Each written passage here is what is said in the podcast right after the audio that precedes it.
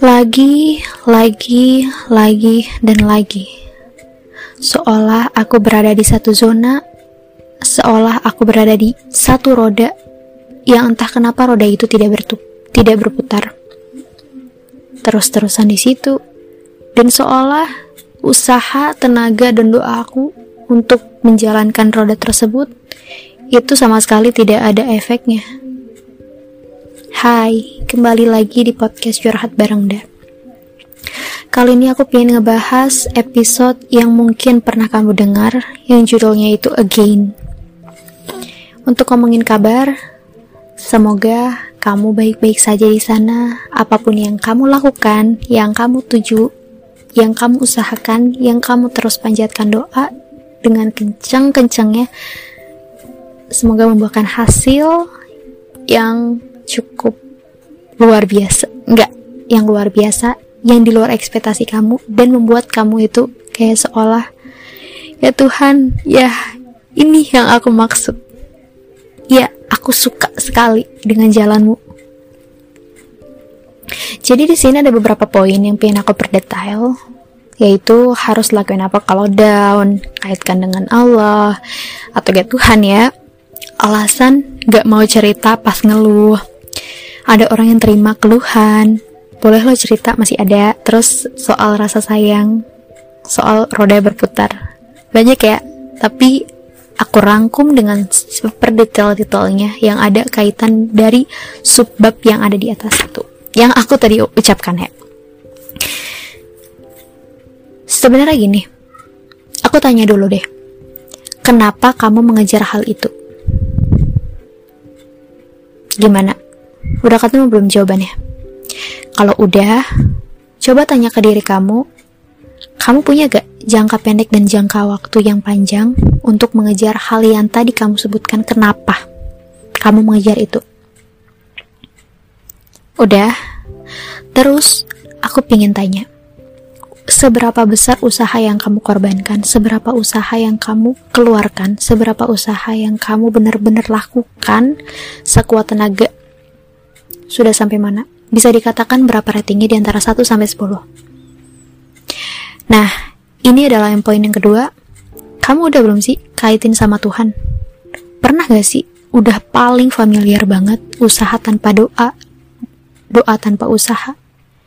Karena mereka berdua kayak aktivitas yang gak pernah bisa dipisahkan. Kalau dipisahkan, ya tumbang. Gitu gampangnya. Sorry banget, kepotong lagi. Oke, aku lanjutin tadi. Nah, di situ yang pertama kamu udah tahu why-nya, ada jangka pendek dan jangka panjangnya. Terus soal usaha dan doa itu nggak bisa ya dipecahkan, nggak bisa tanpa gitu, kayak nggak ada, nggak boleh ada kata tanpa, nggak boleh ada aktivitas yang kayak udahlah aku mah mendingan usaha aja, Fir. Mendingan aku doa aja ndak, jangan jangan. Demi kekuatan mereka berdua. Ah katakan mereka berdua aja lah ya. Kata kerja yang saling berkaitan yang gak bisa dipisahkan yang saling bergantung ketergantungan. Jadi mereka tuh saling bergantung. Nah jadi itu penting banget oke katakan aku kasih contoh ya yang pertama why-nya aku untuk mengejar keberhasilan supaya aku bisa menjadi director amin yang pertama, aku ingat kucing-kucing aku di rumah. Aku ngeliat mereka terus. Kalau misalnya dari segi apa ya, matanya belekan berair, itu setiap hari aku harus kayak ngelapin pakai kapas gitu. Aku harus juga nggak beresin juga. Itu buat aku kayak ngerasa ini why aku untuk mengejar supaya aku bisa jadi director Emang terlalu tinggi ndak ngayalnya dalam waktu 6 bulan. Tapi Tuhan itu nggak pernah tidur. Tuhan itu melihat usahamu dan doamu. Kalau misalnya why kamu jelas, kamu minta super detail ke Allah, ke Tuhan. Tuhan, berikanlah aku waktu, Berikanlah aku kekuatan, berikanlah aku mental yang kebentuk, berikanlah mental aku yang kuat, tenaga, teguh pendirian, dan terus tetap mengerjakan walaupun ada rintangan dan hambatan yang super-super dahsyatnya. Terus kamu bilang ke Tuhan, Tuhan, aku mengejar ini untuk ini, karena aku butuh. Jadi kamu harus tahu dulu nih, jangka pendeknya apa. Penting, karena kalau misal kamu mikirnya jangka panjang doang, ya elah, itu masih bisa dikejar kapan waktu. Jadi pikir dulu jangka pendek yang paling urgentnya apa. Itu. Ini aku dapat materi ini yang aku duplikasi, yang aku sengaja podcastin karena berkaitan dengan again itu dari skip. Oke, lanjut. Nah, jadi itu ah, penting banget Nah, setelah itu kamu ngerasa setiap kayak ini kamu udah pas ya, udah ada why-nya kamu jelas, jangka pendek, jangka panjangnya jelas, mau mengejar hal yang entah itu apa pun tentang percintaan kamu, tentang kuliah kamu, tentang impian kamu, hal apa pun itu karena itu paling dasar dan penting banget. Terus di situ aku pengen ngejelasin kenapa kamu gak berani mengeluh dan bahkan kamu ngerasa kalau misalnya kamu mengeluh berarti kamu gagal. Siapa nih di antara kamu yang ngedengerin podcast ini ngerasa setuju? Aku pengen ngasih tahu kenapa alasan orang atau gak teman kamu yang lagi berjuang mati-matian. Terus kayak kamu ngelihat ada progresnya. Dia jarang banget kelihatan ngeluh. Padahal sebenarnya pingin banget ngeluh yang pertama alasan dia gak mau cerita. Pas ngeluh, kelihatan banget rapuhnya. Orang gak mau lah kelihatan rapuhnya, maunya kelihatannya semangat terus. Karena dengan pandangan kamu nih ketika tahu dia rapuh, itu adalah menjadi apa ya? Iya kamu emang gak bakal, aku mah gak bakal kayak gitu ndak orangnya. Iya emang kamu mah enggak tapi gimana coba pandangan orang kalau misalnya dia salah menempatkan posisi ketika dia ceritanya sama orang yang salah? Itu yang ngebuat dia nggak mau untuk bercerita pas dia lagi ngeluh-ngeluhnya. Padahal tuh penting banget loh. Ngeluh itu penting. Di situlah kita lahir untuk bangkit kembali. Aku pribadi ngalamin, jadi aku berani ngomong kayak gini. Setuju gak yang ngedengerin ini? Nah, terus di situ pun juga dia ngerasa kalau misalnya semua orang tuh sama. Bahkan dia ngerasa kalau misalnya semua orang tuh musuh. Ketika dia menceritakan kerapuhannya, ketika dia menceritakan kegagalannya yang walaupun kegagalan kegagalan itu ya justru bakal membuahkan hasil yang bisa dikatakan sukses atau gak berhasil. Dan di situlah dia buta soal masih ada lah masih ada loh orang yang terima keluhan masih ada.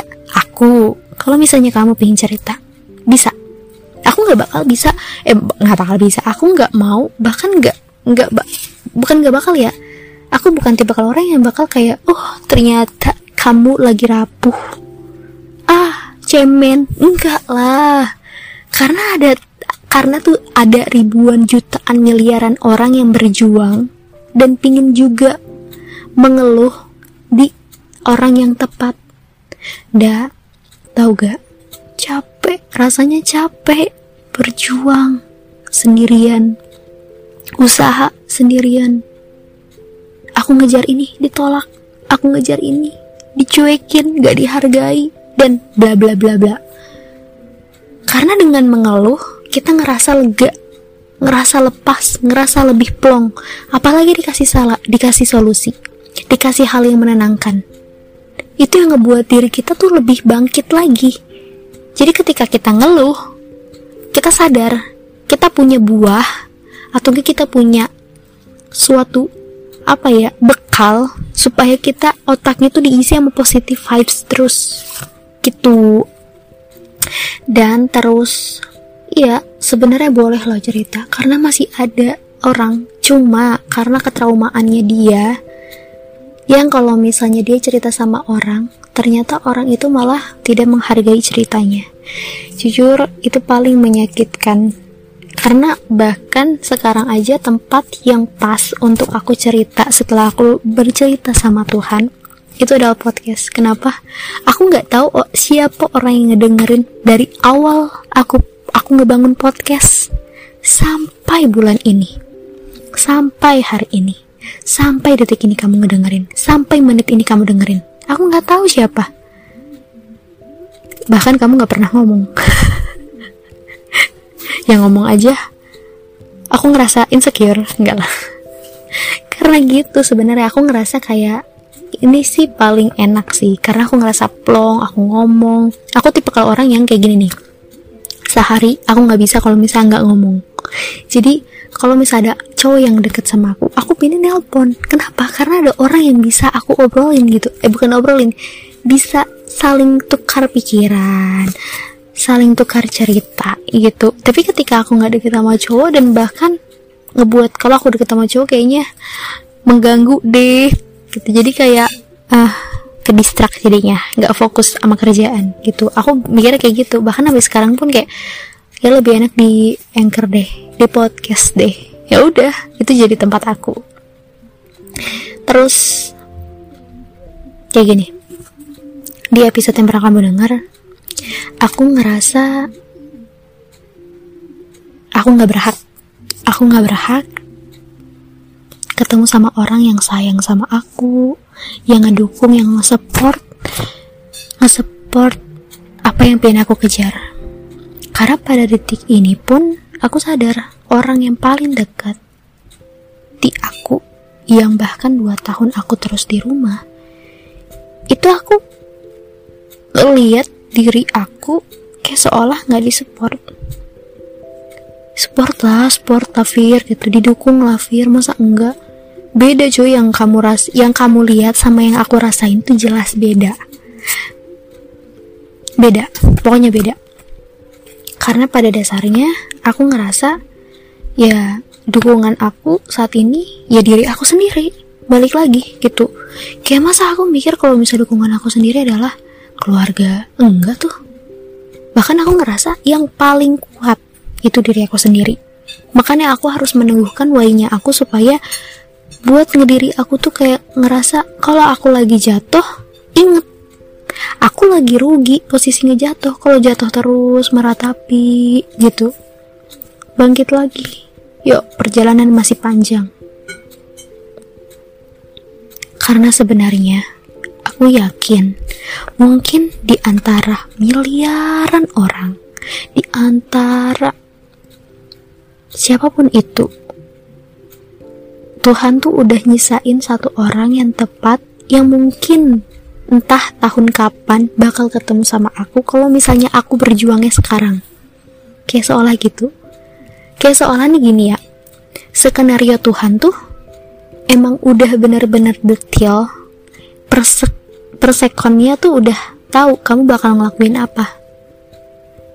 Jadi kayak seolah gini ya. Ndak tahu gak ndak aku tuh berjuang di tahun 2021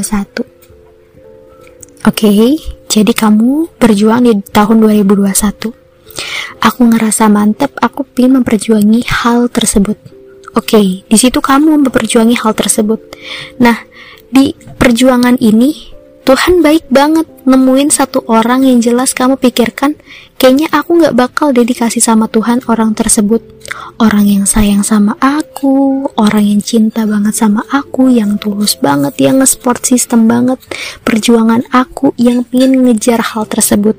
Nah itu udah kayak timing ya ya paham gak sampai sini paham lah pasti Iya, karena emang udah timingnya di mana ketika kita berjuang Allah nggak mau, Tuhan nggak mau ngebiarin kamu sendirian. Jadi aku sadar, mungkin ini timingnya aku, walaupun itu masih angan-angan, walaupun itu masih kayak like imagination, but I think aku yakin kalau misalnya aku pasti ketemu sama dia. Siapa pun itu dia, ya.